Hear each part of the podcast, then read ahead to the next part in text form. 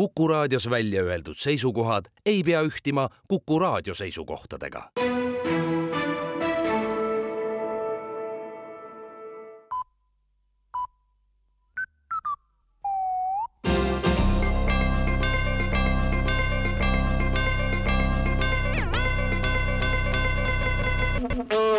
uudised on eetris ja stuudios Rohke Debelak riigikogu istungite saal on kaks päeva remondis, peamiselt täiustatakse istungite saali sisustust. kõnepulti paigaldatakse Grünthali katapult, mis võimaldab istungi juhatajal vajadusel kõneleja katapulteerida kas omale kohale tagasi või vajadusel ka saalist väljapoole. kasutatakse ainult eelnimetatud saadiku puhul võimude tasakaalustuse printsiipi jälgides paigaldatakse ka Hussari katapult, mida võib kasutada siis, kui Grünthali katapulti on kasutatud seitse korda. kui eelnimetatud seadeldised leiavad kasutust ja õigustavad ennast, siis saavad kõik saadikud endale katapuldid ja võimaluse neid ristkasutada. uute võimalustega Riigikogu istungite saal toob kaasa senisest suurema teineteisest lugupidamise, sest igal ajahetkel võib keegi leida end istungite saali lae alt, märgib Riigikogu juhatuse teade valitsus aga arutas eile, kas õpetajate palgaraha võiks leida kõrgharidusest. põhjalik arutelu tõi aga laiema lahenduse. vastavalt tegevuskavale saavad edaspidi ühel kuul aastas palka õpetajad, siis saavad päästjad, siis politseinikud, siis medõed, siis arstid, siis kultuuritöötajad. see tagab, et ühel kuul aastas on kellelgi päris normaalne palk ja streikimine liigub ühest valdkonnast teise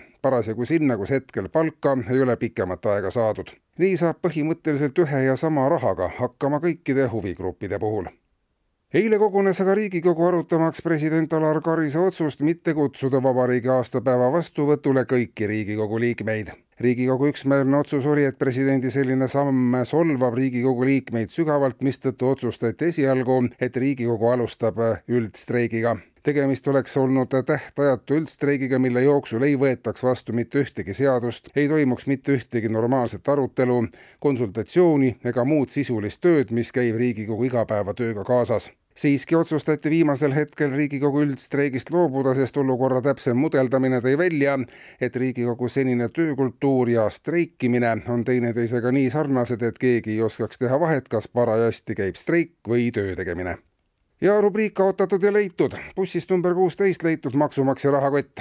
kotis raha küll ei olnud, aga olid tasumist ootavad arved kütte, vee, üüri, elektri, parkimise, kaabeltelevisiooni, prügiveo, telefoni, järelmaksu, lasteaiamaksu, maamaksu, tulumaksu, õppemaksu, sotsiaalmaksu ja käibemaksu kohta, samuti teated viiviste, intresside, trahvide, leppetrahvide, kokkuleppetrahvide, liiklustrahvide, parkimistrahvide pluss arvukalt tasulisi meeldetuletuskirju. maksumaksja oli rahakoti hüljanud ilmselt seetõttu, et see kaalus juba enam kui nelikümmend kilogrammi ja nõuete kogu kogukaal ei võimaldanud tal seda enam kõrvalise abita ühest kohast teise liigutada. viimaseks piisaks oli just lisandunud piletita sõidu eest saadud trahv.